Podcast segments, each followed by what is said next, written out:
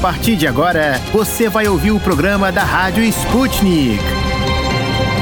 Oi, ouvintes! Sejam bem-vindos a mais um programa que eu, Francine Augusto, apresento ao lado da minha parceira Luísa Ramos. Oi, Luísa! Oi, Francine! Vamos nessa com muita informação para atualizar nossos ouvintes com tudo o que é mais importante nesta quinta-feira, dia 10 de fevereiro. No nosso giro de notícias de hoje, destacamos que ontem, dia 9 de fevereiro, o Tribunal Penal Internacional de Haia, nos Países Baixos, Baixos recebeu uma denúncia contra Bolsonaro por crime contra a humanidade. Na documentação consta o relatório da CPI da Covid, que investigou a atuação do governo federal no combate à pandemia no Brasil. Ao todo, foram apontados nove crimes do presidente Jair Bolsonaro, dentre eles crime de responsabilidade, crimes contra a humanidade e outros. O tribunal pode impor à pessoa condenada pena de prisão perpétua, multa e perda de bens. Outro destaque envolvendo o chefe do executivo, desta vez municipal, é sobre um prefeito do interior de Goiás que gastou 2 milhões de reais em carros de luxo para presentear os netos. O assunto viralizou nas redes sociais. Isso aconteceu no município de Bom Jesus de Goiás. O prefeito da cidade, Adair Henriques da Silva, de 81 anos, ofereceu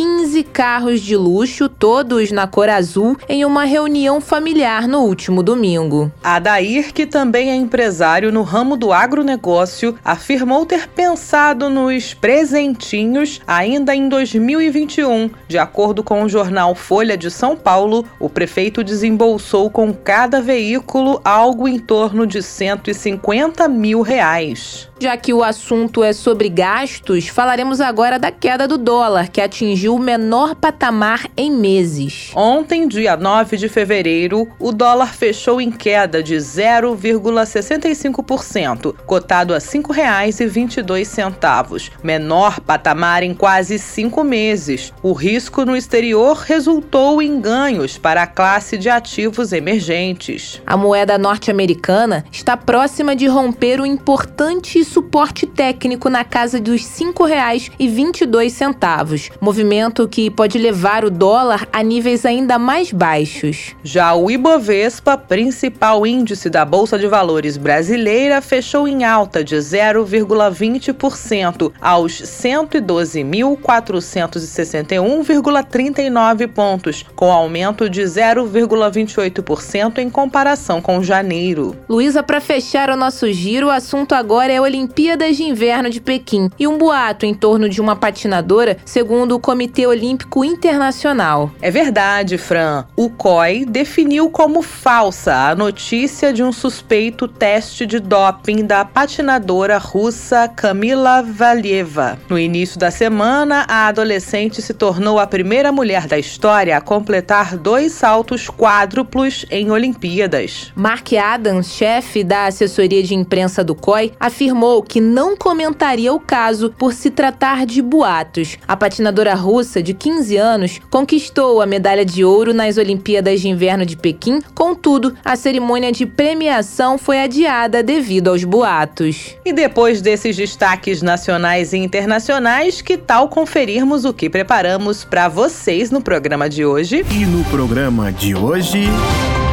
Destrinchando a Charada Brasil aborda a queda de braço da bancada evangélica no Congresso. No Esqueceram de Mim em Portugal, mais uma invenção lusitana que promete revolucionar a medicina, desta vez para a detecção de doença de Alzheimer. O Bombando no YouTube vai revelar a declaração do presidente ucraniano sobre a Rússia durante reunião com o líder francês. No Destrinchando a Charada Internacional, vamos debater, com a ajuda de um analista de relações internacionais, as falas recentes do vice-presidente Mourão sobre China e Argentina e Brasil e Rússia. O Mistura do Brasil com Moscou vai anunciar a obra Pegadas na Areia, de Mário Ficarelli, e bater um papo com um amigo dele, o pianista José Eduardo Martins. Destrinchando a Charada. de dentro e fora do Brasil. Política, economia, sociedade e tudo que engloba o maior país da América Latina. As charadas mais complicadas do Brasil são destrinchadas aqui. Oi, ouvintes! No Destrinchando a Charada Brasil de hoje, abordaremos a queda de braço e, por fim, a decisão da liderança da bancada evangélica no Congresso. Põe queda de braço nisso, Fran. Depois de muita indefinição, ontem, dia 9 de fevereiro, o deputado Sóstenes Cavalcante, do DEM, foi empossado como presidente de uma das bancadas mais centrais para o bolsonarismo, a evangélica. Até então, a liderança do grupo, que compõe 115 deputados e 13 senadores, era desejada também pelo deputado Cezinha de Madureira, do PSD, apoiado pelo pastor Samuel Ferreira.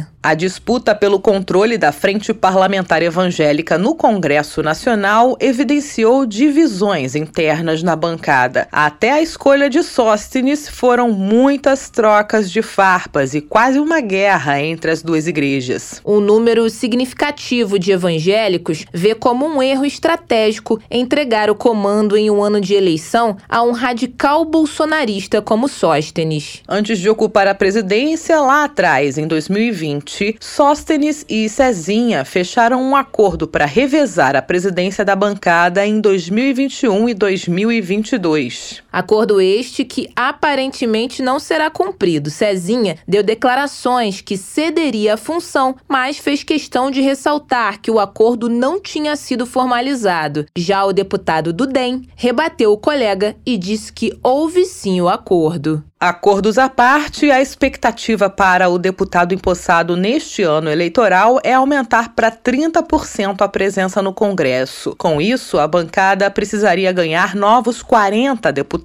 que se somariam aos atuais 115 membros, e outros 11 senadores para se juntar aos atuais 13 no Senado. Para avaliar toda essa articulação neste ano de eleição, a gente convida agora Maria do Socorro Souza Braga, cientista política e professora da Universidade Federal de São Carlos. Olá, professora Maria. Muito obrigada por conversar conosco aqui na Rádio Sputnik. Bom, Maria, em 2018, o voto evangélico foi identificado como um dos responsáveis pela eleição de Jair Bolsonaro. Como que esse grupo pode influenciar as eleições em 2022? A gente tem que pensar que os evangélicos no Brasil hoje, eles perfazem ao menos 30% do eleitorado. É um eleitorado bastante específico, porque eles têm, especialmente alguns grupos, algumas denominações, melhor dizendo, tem muito disciplinado, tem características muito específicas que acabam, digamos assim, seguindo muito os pastores. Né? Então, nesse caso em específico, eu me refiro à Igreja Universal, né? O pessoal da Igreja Universal, eles têm certas práticas né, que organiza muito todo esse processo eleitoral, desde a seleção de candidatos e candidatas até a escolha de candidatos, seja para nível presidencial, seja para os outros níveis de disputa. Agora, é importante salientar que nesse nível de segmento nós temos diferenças importantes. Nós temos os evangélicos tradicionais, os evangélicos pentecostais, as denominações que a gente chama da teologia da prosperidade. E, de fato, esses setores variam bastante de acordo com seus posicionamentos políticos. Então, diante desse quadro, sim, pode influenciar sim, ainda mais que eles compõem um terço do eleitorado nacional vai influenciar. Agora, vai influenciar muito fragmentado. De fato, em 2018, Jair Bolsonaro ele contou com uma parcela significativa dos evangélicos. Agora, a gente tem que ver como que ele pode influenciar, inclusive não só a eleição, mas pode também influenciar esse último ano, né, de governo do Jair Bolsonaro com as pautas conservadoras, em especial. A identificação religiosa é um fator importante na decisão do voto dos brasileiros ou fatores econômicos podem ser mais relevantes nessa decisão? Sim, a identificação religiosa é um fator importante na decisão do voto, mas ele não é superior, digamos assim, a fatores econômicos. Já há algum tempo, os fatores econômicos são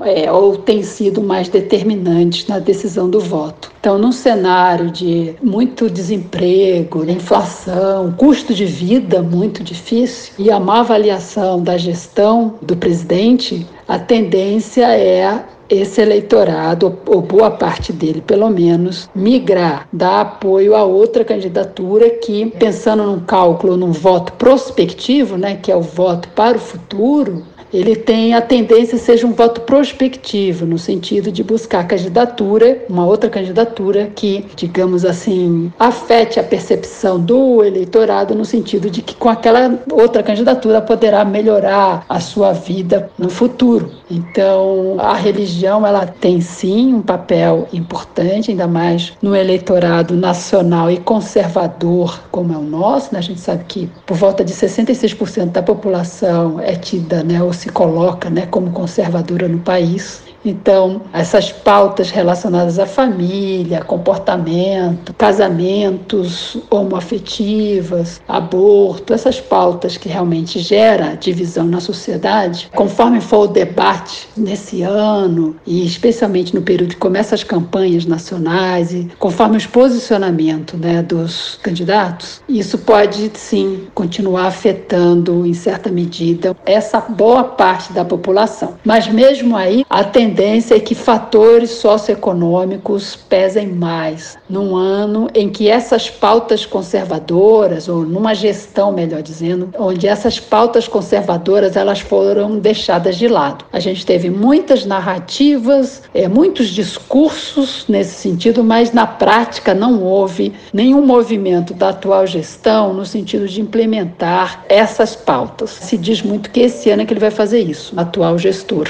Mas a ver, porque ele sabe que isso também retira, conforme for, também pode ter impacto de redução em outros setores. Então, não é um ano bom para se mexer em pautas dessa natureza. De toda maneira, ainda é possível que haja alguns movimentos nesse sentido. Bom, professora, há movimentações do PT para buscar o apoio evangélico. Como o mau desempenho de Bolsonaro nas pesquisas pode acabar impactando o comportamento dos evangélicos em sua base eleitoral? Você acha que Bolsonaro corre o risco de perder esse apoio? Os vários partidos vão buscar esse apoio, não só o PT. Com certeza para o PT, o PT já teve parte desse apoio dos evangélicos, tanto para Lula quanto para Dilma. O PT sabe que vai precisar de parte desse eleitorado, então a tendência é que eles façam de fato certas manobras ou certos contatos, isso faz parte da campanha eleitoral. Então, Sim, eu acredito que nessas eleições, dado aí a gente volta ao que eu já estava falando antes, como a atual gestão não deu conta, não entregou, digamos assim, o que se falou tanto dessas pautas conservadoras, até agora pelo menos, a tendência é esse eleitorado, ou pelo menos boa parte dele, buscar outra alternativa. Ainda não saberia dizer exatamente qual é, porque o debate programático dessa campanha ainda não, não se iniciou, mas com certeza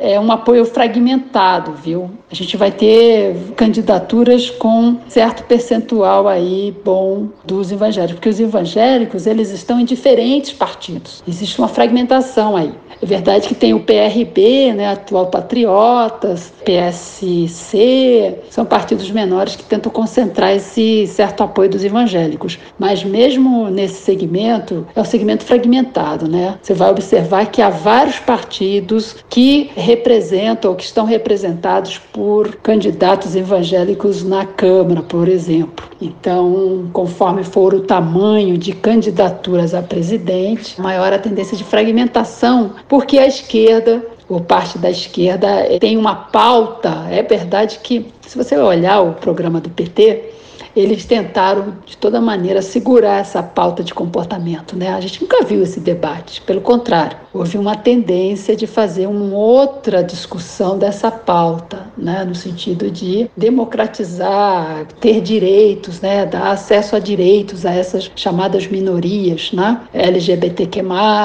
é, aumentar a capacidade deles terem é, acesso à representação política nas várias esferas políticas. E isso a gente sabe que criou um embate muito forte com certa parte dos evangélicos. E a gente talvez observe uma certa divisão entre os evangélicos. Enquanto a gente vai ver a cúpula e certas lideranças que estão aí na ponta, decidindo muitas vezes pelos seus seguidores, né, seus crentes, digamos assim, aqueles que seguem esses pastores, a maior parte dos seguidores, né, dos crentes dessas lideranças podem não apoiar necessariamente o candidato a presidente. Então, é possível que a gente tenha uma certa divisão ainda. Isso se a gente olhar em relação à pauta de comportamentos, de valores, né, que a gente estava falando até então. Esse é um fenômeno que a gente pode observar nessas eleições, tomando todo cuidado com isso, porque afinal de contas nós estamos num período, numa conjuntura muito crítica, muito ruim economicamente. Então, com certeza, os elementos socioeconômicos vão pesar bastante nessa avaliação desse eleitor, mesmo ele sendo, digamos, muito mais influenciado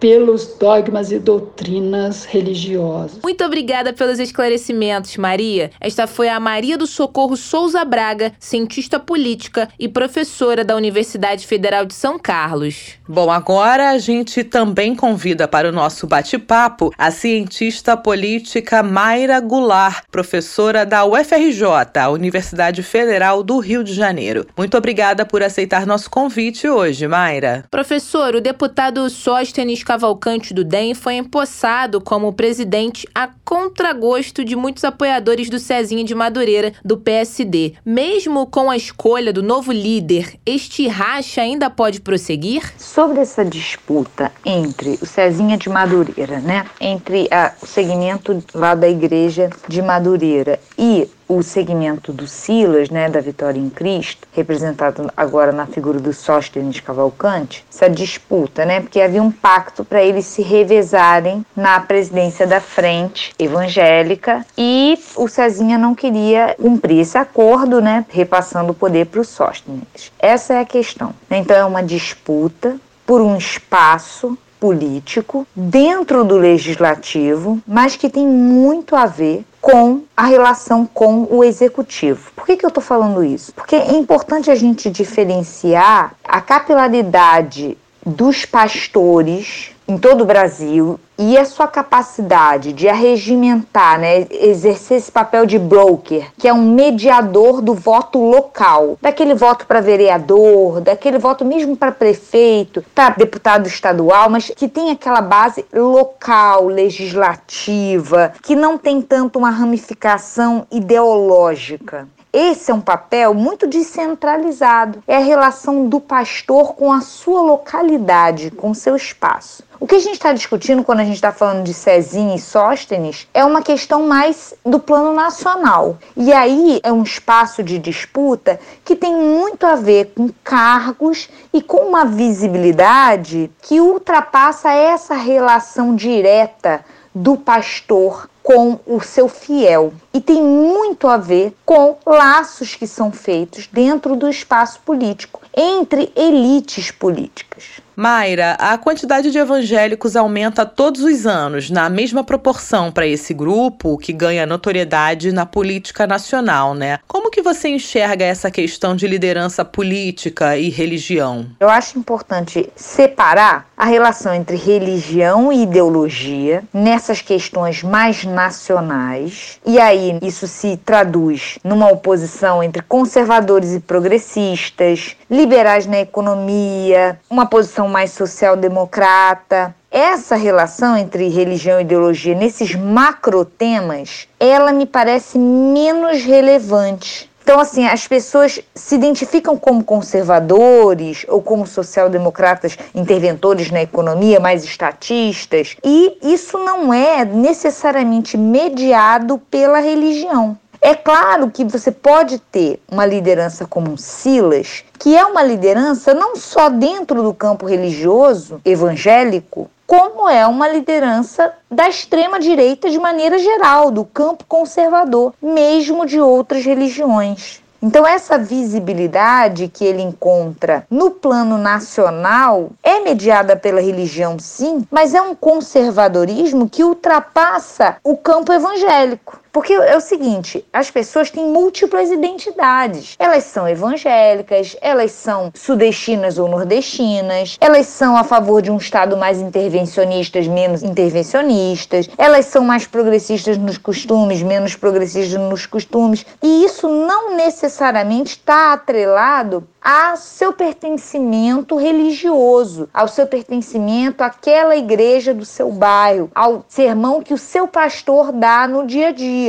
Embora essa relação dos pastores, essa relação cotidiana, seja muito importante para um outro aspecto, que é menos essa relação entre religião e ideologia, que é mais complexa e multifacetada, do que uma relação entre religião e o voto na localidade, esse voto local. Nisso eu acho que o papel dos pastores, ele é muito relevante. Só que nesse aspecto há uma descentralização, há uma pulverização. Cada pastor é senhor de si mesmo nesse aspecto puramente, propriamente local. E essas disputas mais nacionais escapam a essa frente entre religião e voto que tem essa dimensão mais local. Como a definição da bancada evangélica influencia na prática na disputa entre a esquerda e a direita nessas eleições? Então, voltando ao ponto, né, que essa dicotomia entre o Silas e a Vitória em Cristo e a família Ferreira com o Ministério de Madureira, primeiro é colocar que o ministério é muito maior do que a Vitória em Cristo embora o Silas ocupe esse papel de muita relevância midiática enquanto líder do campo conservador, enquanto uma estrela do campo conservador. Mas o Ministério de Madureira tem mais fiéis. Outra coisa que é interessante pontuar é que se a gente for pensar na dicotomia ideológica, na né, esquerda e direita, o Ministério de Madureira está à esquerda da Igreja do Silas. Tanto que o patriarca dos Ferreira se reuniu com Lula no ano passado, não é em tempos distantes. Há uma aproximação, um compromisso maior com temas de estabilidade, não tanto ligados com o conservadorismo extremo. O Cezinha, por exemplo, na sua atuação na presença da frente, ele foi muito mais relevante no avanço de pautas que tem relação com a, o imposto, né, com a isenção de imposto para as igrejas, do que propriamente com essas pautas de costumes que tem muita relevância para o campo conservador. Então, embora ele seja um evangélico e tal, não é necessário que um evangélico seja alguém extremamente conservador. É isso que eu estou querendo problematizar, né? A relação entre religião e ideologia nesses macro temas, ela não é tão óbvia. Então você pode ser um evangélico que tem um comportamento relativamente progressista nos costumes, e você pode ser um evangélico que seja conservador. E ser evangélico não é o que determina esse seu aspecto da identidade. São outros aspectos, são outras fontes de informação. Da mesma forma, você ser mais neoliberal, mais ligado ao empreendedorismo, ou ser mais estatista, mais social-democrata, ser a favor de um protagonismo maior do Estado na economia. Isso são outras relações, outras formas de formação de identidade que não dizem respeito necessariamente à religião. Então, sim, é possível você ter um segmento importante como o Ministério de Madureira que não fica completamente refém dessa polarização que o Bolsonaro oferece para o campo político, sendo um político de extrema direita e sendo um político que faz muito acenos, que quer se colar com o discurso evangélico, essa aproximação ela é problemática, porque não há uma identidade necessária entre o campo evangélico e o extremismo conservador, entre o campo evangélico e a extrema direita. Bom, até as eleições de outubro teremos muitos outros debates e propostas para avaliar, não é mesmo, Francine? Isso mesmo, Lu. Até lá, vamos aprendendo e ouvindo com quem entende do assunto com maestria, como é o caso da Mayra. Muito obrigada pela participação, professora. É isso, caros ouvintes. Ouvimos a cientista política Mayra Goulart, professora da UFRJ. O Destrinchando a Charada Brasil de hoje fica por aqui. Até a próxima.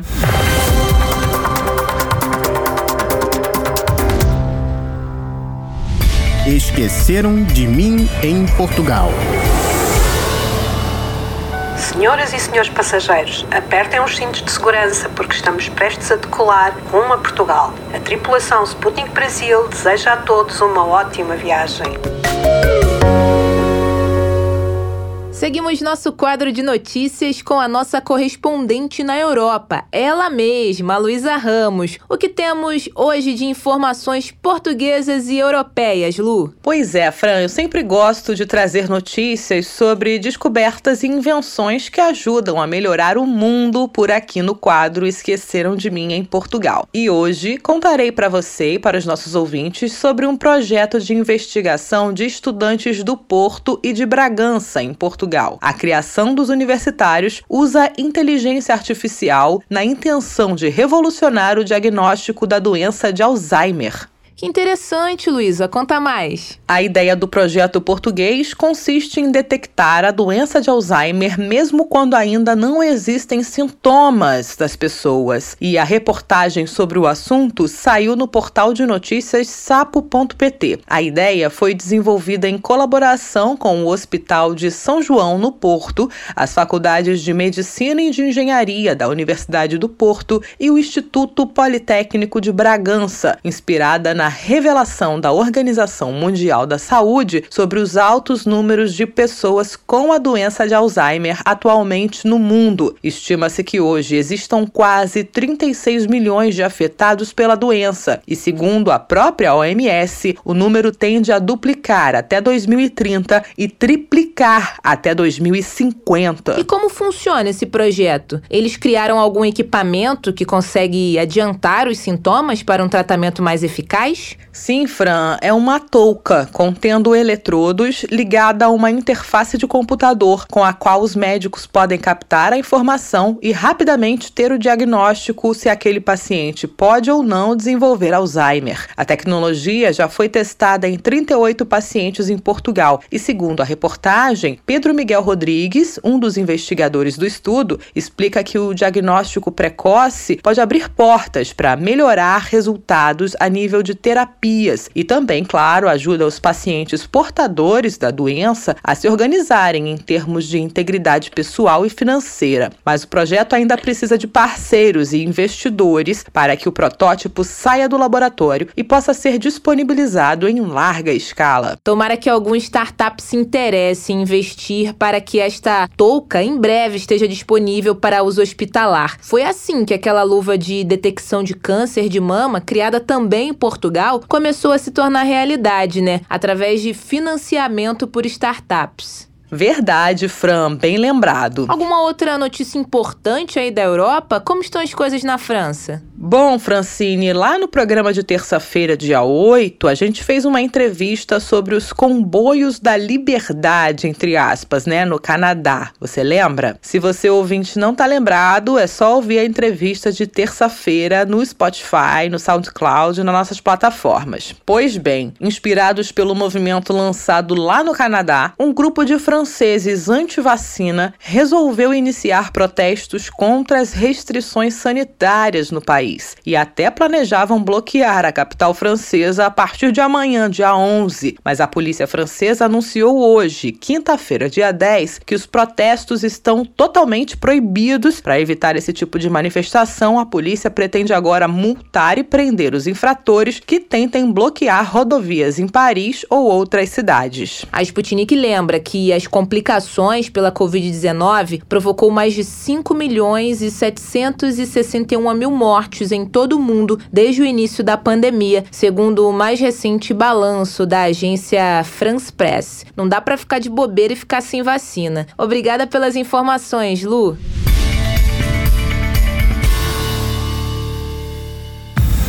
Não se esqueça de ler, curtir e comentar nossas matérias no site br.sputniknews.com. Bombando no YouTube curtidas e mais curtidas da Rússia ao Brasil. Confira com a Rádio Sputnik os vídeos que receberam mais likes e visualizações e estão no topo do YouTube. E fique por dentro do que está sendo filmado por amadores ou profissionais pelo mundo afora.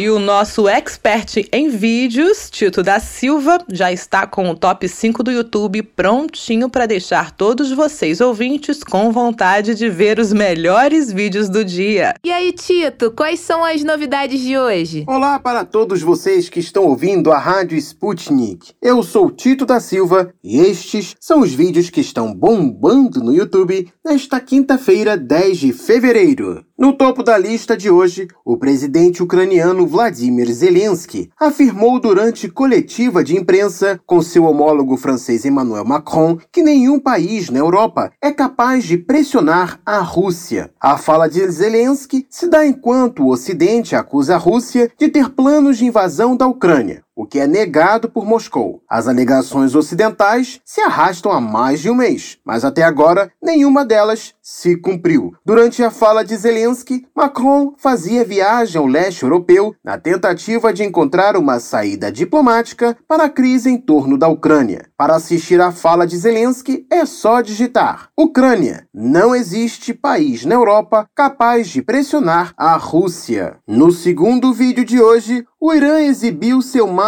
novo míssil balístico, que, segundo a República Islâmica, é capaz de atingir o território do Estado de Israel. Um vídeo feito pelo Corpo de Guardiões da Revolução Islâmica do Irã mostrou o novo míssil em ação. Propulsionado por combustível sólido, o armamento tem alcance de 1.450 quilômetros e, além de poder atingir Israel, também seria capaz de destruir alvos nas capitais de países do Golfo Pérsico, segundo Teherã. Para assistir ao vídeo é só digitar. Irã revela novo míssil destruidor de castelos com alcance de 1.450 quilômetros. No terceiro vídeo de hoje, após instituições de ensino proibirem o uso do hijab por parte de estudantes islâmicas no estado indiano de Karnataka, o governo local decidiu apoiar a proibição. A medida política acabou causando revolta na comunidade islâmica local, que compreende 12% da população do estado. Por outro lado, hindus a favor da proibição também saíram às ruas para fazer valer a medida, causando assim embates e trazendo tensões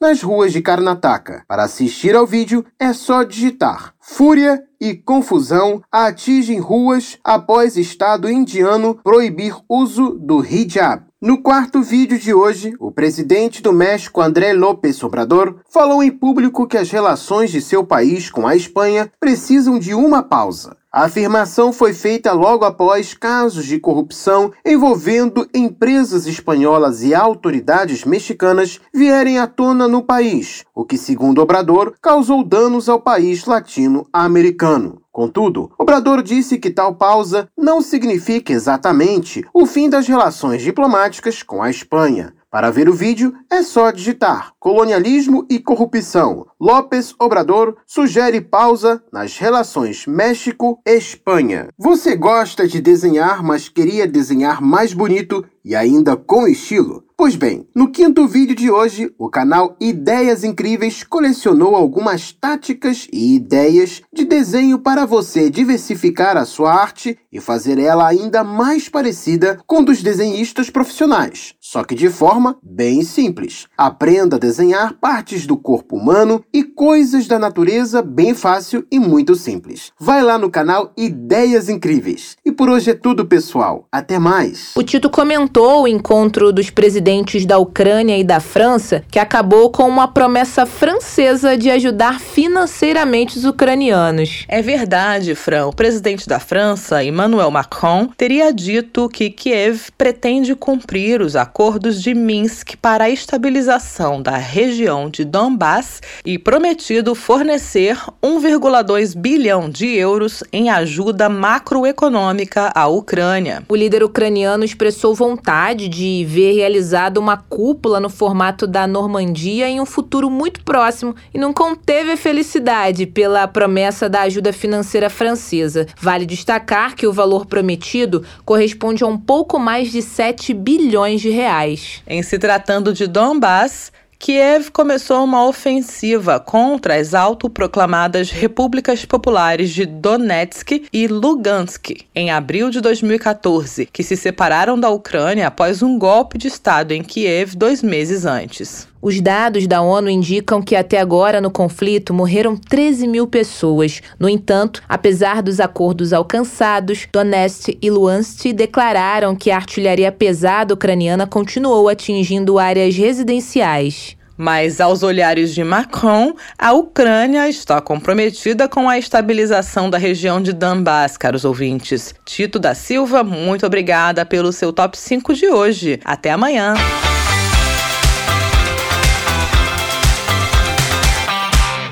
Siga Sputnik Brasil no Twitter para sempre estar por dentro das notícias mais importantes do momento. Destrinchando a charada. Encruzilhada Internacional. Relações políticas, socioeconômicas e muito mais entre as nações deste mundão. Da Rússia aos Estados Unidos. Encontre com a gente as respostas às perguntas do momento.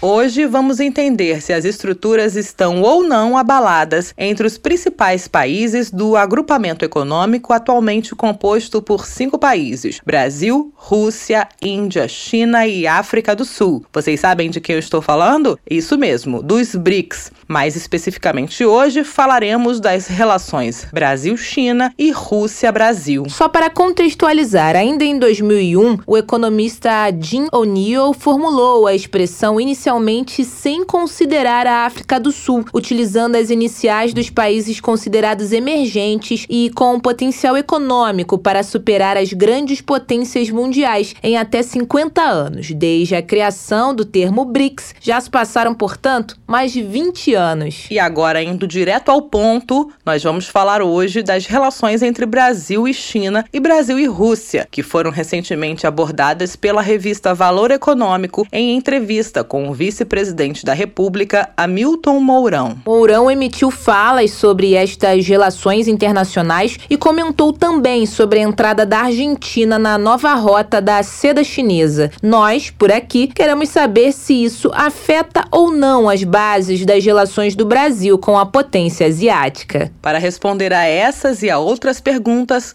convidamos Paulo Vrobel, professor de Relações Internacionais da PUC Rio, especialista em BRICS. Obrigada pela presença, professor. Agradecemos demais a disponibilidade, Paulo Vrobel. Bem, professor, para começar, lembrando que há poucos meses falou-se na imprensa sobre a nova rota de seda chinesa, sobre a qual analistas afirmaram que de nada mudaria a parceria sino-brasileira, que já seria muito forte, segundo eles. No último domingo, dia 6, Argentina e China selaram cooperação estratégica com a adesão argentina à iniciativa Cinturão e Rota da China, conhecida como a Nova Rota da Seda. Mourão diminuiu o feito e disse que o Brasil não precisa estar na Rota da Seda. Ele tem razão, professor? A chamada Nova Rota da Seda, que na verdade é uma tentativa de retomar né, a história chinesa, mas é muito mais do que aquela antiga Rota da Seda, praticamente do início do período cristão. Né? Ela, na verdade, se chamou mais Cinturão e Rota e foi implementada pela China em 2017, quer dizer, já tem algum tempo, e cada vez procurando incluir um maior número de países, inclusive alguns países aqui na América Latina que já, onde já existe projetos com a China, mas fundamentalmente os países asiáticos, alguns países africanos alguns países europeus, e aqui na América Latina também. O caso do Brasil, o Brasil é um país grande, ele se distingue na América Latina, nessa parte do mundo, por ser um país de dimensão, é o único país, talvez o México também, mas é o único país de dimensão realmente global, né? O Brasil, pelo tamanho do seu território, tamanho da sua população. Então, o Brasil não é propriamente incluído como um membro oficial desse programa de influência chinês, mas a presença chinesa aqui no Brasil é muito grande desde 2010, ou seja, há 12 anos. A China é o maior parceiro comercial do Brasil. A China, no passado, absorveu mais de um terço de todas as exportações brasileiras, fundamentalmente matérias-primas alimentos, petróleo. E a China é, tem investido muito no Brasil, nesses últimos anos menos, porque os investimentos diminuíram por causa da pandemia e porque a própria economia brasileira não vem atravessando um período muito bem. Mas a presença da China no Brasil independe dessa formalização, por assim dizer, o Brasil fazer parte oficialmente desse programa Cinturão e Rota. Além disso, né, o nosso tema principal, o Brasil como sendo membro dos BRICS, países populosos, né, como China e Índia, só a China e a Índia juntos já tem 3 bilhões de habitantes quase. Mas esta notícia da Argentina entrar na rota da seda pode mudar o eixo das relações Brasil-China? A Argentina não fica agora em uma situação de vantagem frente ao Brasil? Então, a entrada argentina, se essa a gente pode chamar de entrada argentina, a Argentina está num período econômico muito difícil. A Argentina está passando por uma situação econômica, acabou de negociar com o Fundo Monetário Internacional uma antiga dívida que deixa a Argentina numa situação internacional muito vulnerável. A economia argentina está muito mal. A Argentina tem uma taxa de inflação anual da ordem de 50%. É um dos casos periódicos que a América Latina tem de crise econômica. Talvez seja a economia da América Latina hoje mais em crise, com exceção da Venezuela, claro, e até certo ponto de Cuba. Então, eu não vejo assim que isso altere é, enormemente a situação geopolítica nas Américas, essa entrada, uma vez que a Argentina, para ser franco, não tem mais a posição internacional, que já teve nenhuma posição no continente americano. Né? A Argentina já foi muito mais poderosa, a Argentina já foi economicamente relevante, a Argentina já foi politicamente muito mais relevante do que ela é hoje. Então eu não vejo grandes alterações nesse sentido. E como ficam as relações com o Mercosul nesse contexto, professor? É bem verdade que o bloco enfraqueceu nos últimos anos. Mas será que nós podemos afirmar que algo pode mudar com a entrada da Argentina na nova rota chinesa? O Mercosul vem mal há muito tempo, não é de hoje. O auge do Mercosul, na verdade, o Mercosul foi fruto de uma reaproximação Brasil-Argentina no início dos anos 1990, ainda no século passado, mais de 30 anos atrás, quando os dois países retomaram os governos civis, muito inspirado no sucesso da União Europeia. O Brasil e a Argentina criaram o Mercosul que foi muito importante, claro, com a integração de Uruguai e Paraguai também. Esses países foram muito importantes para se aproximar em vários sentidos, principalmente comercialmente. O Brasil e a Argentina uma, um comércio bilateral ínfimo, praticamente inexistente antes do Mercosul. Então, o Mercosul, os primeiros anos do Mercosul foram muito importantes para criar essa dinâmica bilateral, comercial e de uma certa integração econômica, investimento, etc. Isso passou, as economias mudaram, houve períodos de alta inflação, desorganização econômica no Brasil e na Argentina, desorganização política, e o Mercosul não reflete mais essa aproximação maior que ocorreu nesse período. Hoje em dia pode-se dizer que é um distanciamento muito grande entre Brasil e Argentina, politicamente, praticamente dois polos opostos. A Argentina hoje é um país dirigido novamente pela ex-presidente, atual vice-presidente Cristina Kirchner e pelo Alberto Fernandes, próximo ao peronismo antigo, e o Brasil tem um, presidente completamente oposto no sentido político. Então, a dinâmica da América do Sul, deixando de fora a América Central e o México, que é um pouco diferente, a mudança, a dinâmica dinâmica política da América do Sul é muito diferente do que era. Então não vejo nenhuma mudança significativa no Mercosul por essa entrada da Argentina ou por essa aproximação maior da Argentina à China, uma vez que o Brasil, repito, o Brasil tem relações muito intensas comerciais e de investimento com a China. Tudo indica que vão continuar. A China precisa dos produtos brasileiros. O Brasil é um grande exportador de alimentos, principalmente soja, minério de ferro e petróleo, outras matérias-primas agrícolas e minerais. Na sua visão, as relações Brasil e Argentina podem ser prejudicadas de alguma maneira com essa nova amizade com os chineses? Eu não acredito que a entrada da Argentina irá prejudicar as relações Brasil-Argentina. Quer dizer, as relações Brasil-Argentina se encontram mal. Elas estagnaram comercialmente, a economia argentina não cresce, a economia brasileira também tem tido um crescimento muito pequeno e o Mercosul não avança. Eu confesso que o Mercosul, na minha visão, o Mercosul é uma espécie de um cadáver, né? um cadáver ambulante. Eu, sinceramente, não vejo como melhorar o Mercosul, não vejo como tirar o Mercosul dessa crise terminal, praticamente. Uma vez que o Mercosul foi deturpado, né? o Mercosul foi um acordo de livre comércio, fundamentalmente, né? mas o Brasil, a Argentina, Uruguai e Paraguai não tem condição nenhuma, não tem maturidade política, não tem estrutura econômica para entrar num projeto semelhante ao da União Europeia. Ou seja, a amizade com os hermanos já está tão enfraquecida que nem a China poderia piorar essa relação, né, professor? Mas e sobre os relacionamentos com outros países do BRICS? No caso, estamos falando aqui da Rússia, porque nós vemos uma tentativa tentativa de reaproximação com o Brasil com a visita do presidente Jair Bolsonaro a Moscou na próxima semana. Pois é, a diplomacia russa tenta recolocar sobre a mesa a negociação para a compra de um sistema de defesa antiaérea russo, o Pantsir. Como o senhor vê esse tema de defesa, especificamente esta negociação entre Putin e Bolsonaro, professor? Bastante controvérsia aqui no Brasil, né? A viagem do presidente Bolsonaro para se encontrar com o presidente Putin semana que vem. Controvérsia não por causa das relações Brasil-Rússia, mas controvérsia por causa do período, né? Do período de instabilidade política na Europa em relação à crise da Ucrânia e ao diálogo, à tentativa diplomática dos europeus, dos americanos, da União Europeia, dos presidentes, do presidente eh, Macron agora, esses dias, junto ao presidente Putin e junto à Ucrânia, né? Por isso que ela foi controversa. O presidente, eu entendi que ele resolveu manter a visita a Moscou, embora o momento seja de estabilidade política, porque o Brasil está longe, né? O Brasil está fora desse processo, né? Nós aqui nas Américas podemos acompanhar, né? Podemos nos solidarizar com um ou com outro, mas nós estamos fora, né? A nossa dinâmica é diferente. E Brasil e Rússia, né? São membros dos BRICS. A questão da compra de projetos de compra de armamentos ou de ampliação é uma coisa muito complicada, né? Porque, primeiro, o Brasil não tem muito dinheiro.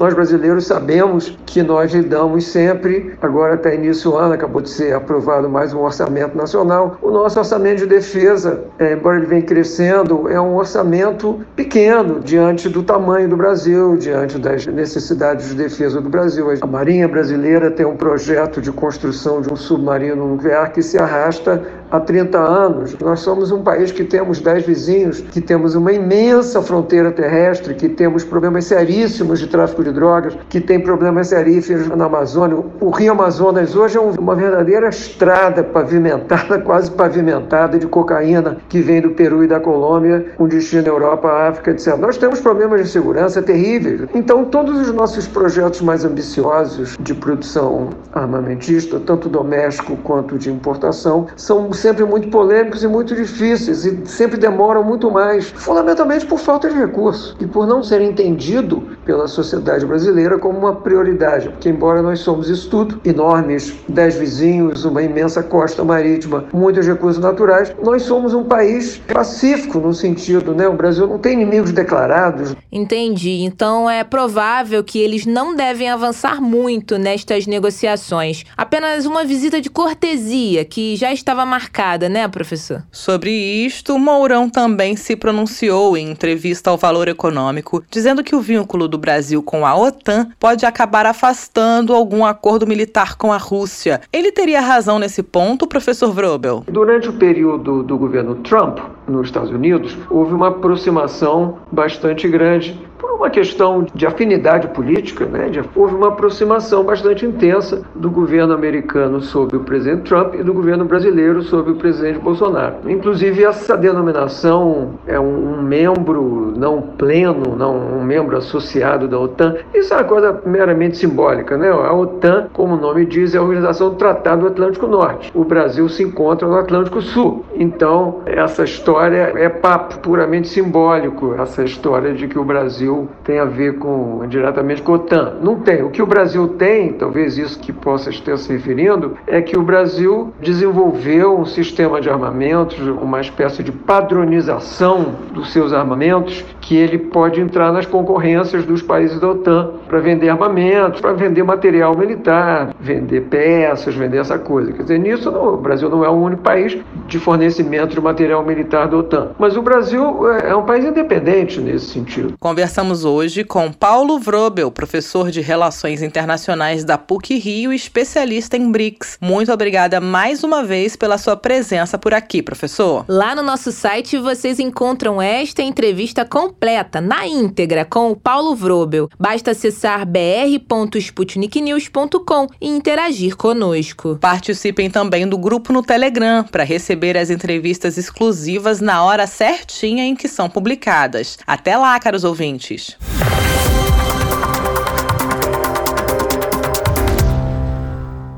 Está à procura de notícias com outros pontos de vista e posicionamentos? Curta nossa página no Facebook. É só digitar Sputnik Brasil na busca do Facebook e deixar sua curtida. Mistura do Brasil com Moscou. A mistura agora é com a Rússia e a coreografia já está pronta. Com os gingados russos e brasileiros, as relações estão em sintonia entre estes dois gigantes.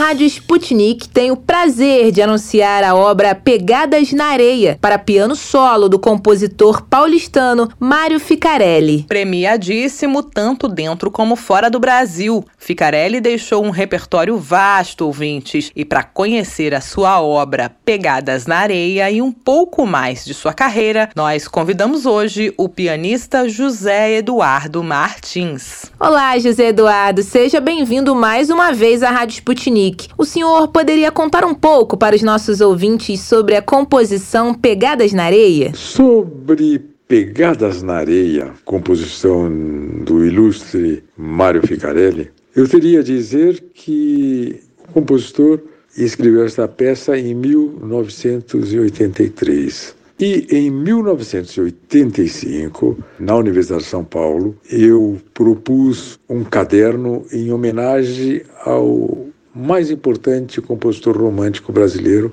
Henrique Oswald, que nasceu em 1852, tendo falecido em 1931. É um compositor de, extremamente importante e que mereceu esse caderno contendo homenagens. Foram oito composições lá inseridas, de compositores realmente destacados. Francisco Mione, que foi muito importante na música brasileira, Camargo Guarnieri, Gilberto Mendes, Mário Ficarelli, Tsune Iwami, Stephen Hartke, americano, né? Rodolfo Coelho de Souza e Ricardo Takuchá, todos compositores ilustres que contribuíram para esse caderno. Pegadas na Areia é uma obra significativa. Temos que entender que Mário Ficarelli passava por um momento assim de uma tranquilidade, diria eu. Fomos bons amigos, bons amigos mesmo. Ele escreveu baseando-se num poema de Margaret Fishback, que foi escrito em 1964, Pegadas na Areia, que é um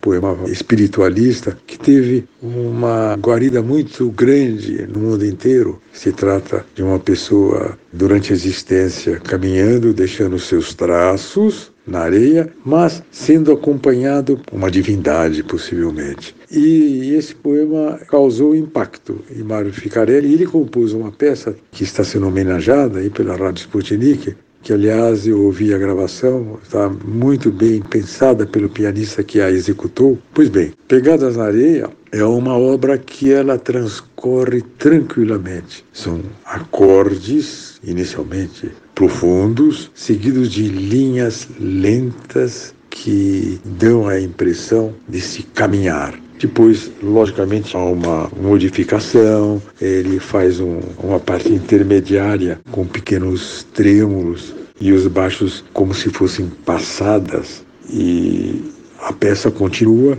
dentro dessa tranquilidade e assim nós vamos até o fim. É uma das peças que eu entendi como peça reflexiva. O Mário foi uma pessoa muito interessante e realmente eu inseri no caderno sob a anuência do querido amigo e teve uma boa guarida era isso que eu poderia dizer sobre a peça. E quem foi Mário Ficarelli e o que este compositor paulistano representa para a música brasileira? Bom, José Eduardo, é verdade que o Ficarelli foi professor da USP, assim como o senhor? Mário Ficarelli foi um dos compositores mais importantes do nosso país. O que ele representou para a nossa música, eu diria que foi a preservação de uma linguagem tradicional, mas com características próprias, personalíssimas. Diria mais, se nós considerarmos sinfonistas brasileiros, e aí nós temos Camargo Guarnieri, Cláudio Santoro, que foram bem divulgados, inclusive, na, na, antiga União Soviética. Eu diria que o Mário Ficarelli está nesta linhagem dos grandes sinfonistas brasileiros. Suas sinfonias são de uma profundidade, de uma perfeição da escrita que o tornam um imortal, eu diria. Uma destas sinfonias, inclusive, foi apresentada na orquestra Tonhall, na Suíça, com enorme repercussão e conduzida pelo um ótimo regente brasileiro, Roberto Duarte. Mário Ficarelli também foi professor da Universidade de São Paulo, professor de harmonia e composição, formou legião de alunos que se dedicaram à composição, à análise, à docência. Independente disso, é, poderia dizer que era um compositor que tinha ideias próprias, originais, o que é raro no campo da composição atual. Ficarelli era um amigo próximo do senhor, correto? De onde surgiu a amizade de vocês dois? Sobre a relação com meu saudoso amigo Mário Ficarelli, eu poderia dizer que ela remonta a 1957 58. Nós dois fizemos os cursos da Academia Paulista de Música aqui na cidade de São Paulo. Fiz esse curso durante dois anos antes de ganhar a bolsa para estudar na França, onde permaneci quatro anos. E Mário concluiu seu curso na academia e ele era tão significativo naqueles momentos difíceis para ele, de seu ponto de vista de manutenção, ele não só era aluno, como também secretário da academia. E era uma pessoa que nós recorríamos quando precisávamos alguma coisa, documentação, tudo mais, ele sabia tudo. Mas já era aquele homem predestinado à composição. E a nossa amizade vem de lá e permaneceu até a sua morte em 2014. Eu poderia dizer um saudoso amigo, dileto amigo e um homem de convicções firmes que não fazia concessões. Sobre, na parte de música, não vi jamais o Mário fazer uma concessão. Ele era autêntico e escrevia com a maior sinceridade. José Eduardo, sabemos que o senhor estreou a obra Pegadas na Areia. Poderia contar quem propôs ao senhor que estreasse essa composição e em que ocasião a primeira execução aconteceu? A respeito da estreia de Pegadas na Areia, como a obra foi inserida no caderno de homenagens a Henrique Oswald, como falei anteriormente, ela foi estreada no Festival Música Nova, que era promovido por Gilberto Mendes. Festival esse que teve início em Santos, Gilberto Mendes era de Santos, e que depois se propagou para outras cidades, São Paulo, Ribeirão Preto. Essa foi a trajetória inicial de Pegadas na Areia. José Eduardo, muitíssimo obrigada por participar do anúncio da composição Pegadas na Areia do seu amigo Mário Ficarelli. Desejamos tudo de bom e muito sucesso e esperamos receber o senhor mais vezes aqui na Rádio Sputnik. Lembrando que a obra Pegadas na Areia do compositor paulistano Mário Ficarelli vai ser publicada na sexta-feira, 11 de fevereiro, no canal do Zenon, Instituto Cultural no no YouTube a partir das 15 horas. Quem quiser conferir a composição na íntegra é só entrar lá a partir das 15 horas de amanhã, sexta-feira, dia 11. Não se esqueçam dessa dica, hein? Mas obviamente vamos tocar aqui um trechinho para vocês com exclusividade. Vamos ouvir?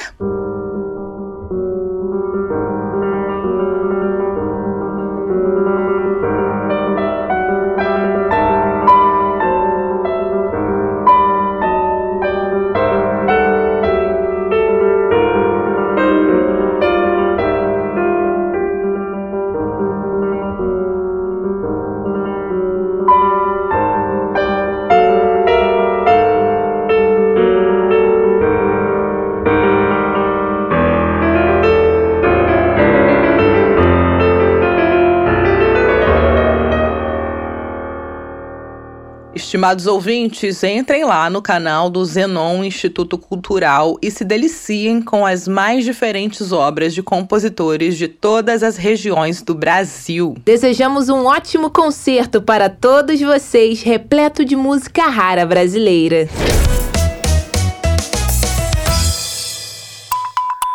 Para ficar por dentro de todas as novidades, tanto mundiais como brasileiras, se inscreva no nosso canal do Telegram. É muito simples. É só você escrever Sputnik Brasil na busca do Telegram e se inscrever para receber as notificações. Hora de dar tchau.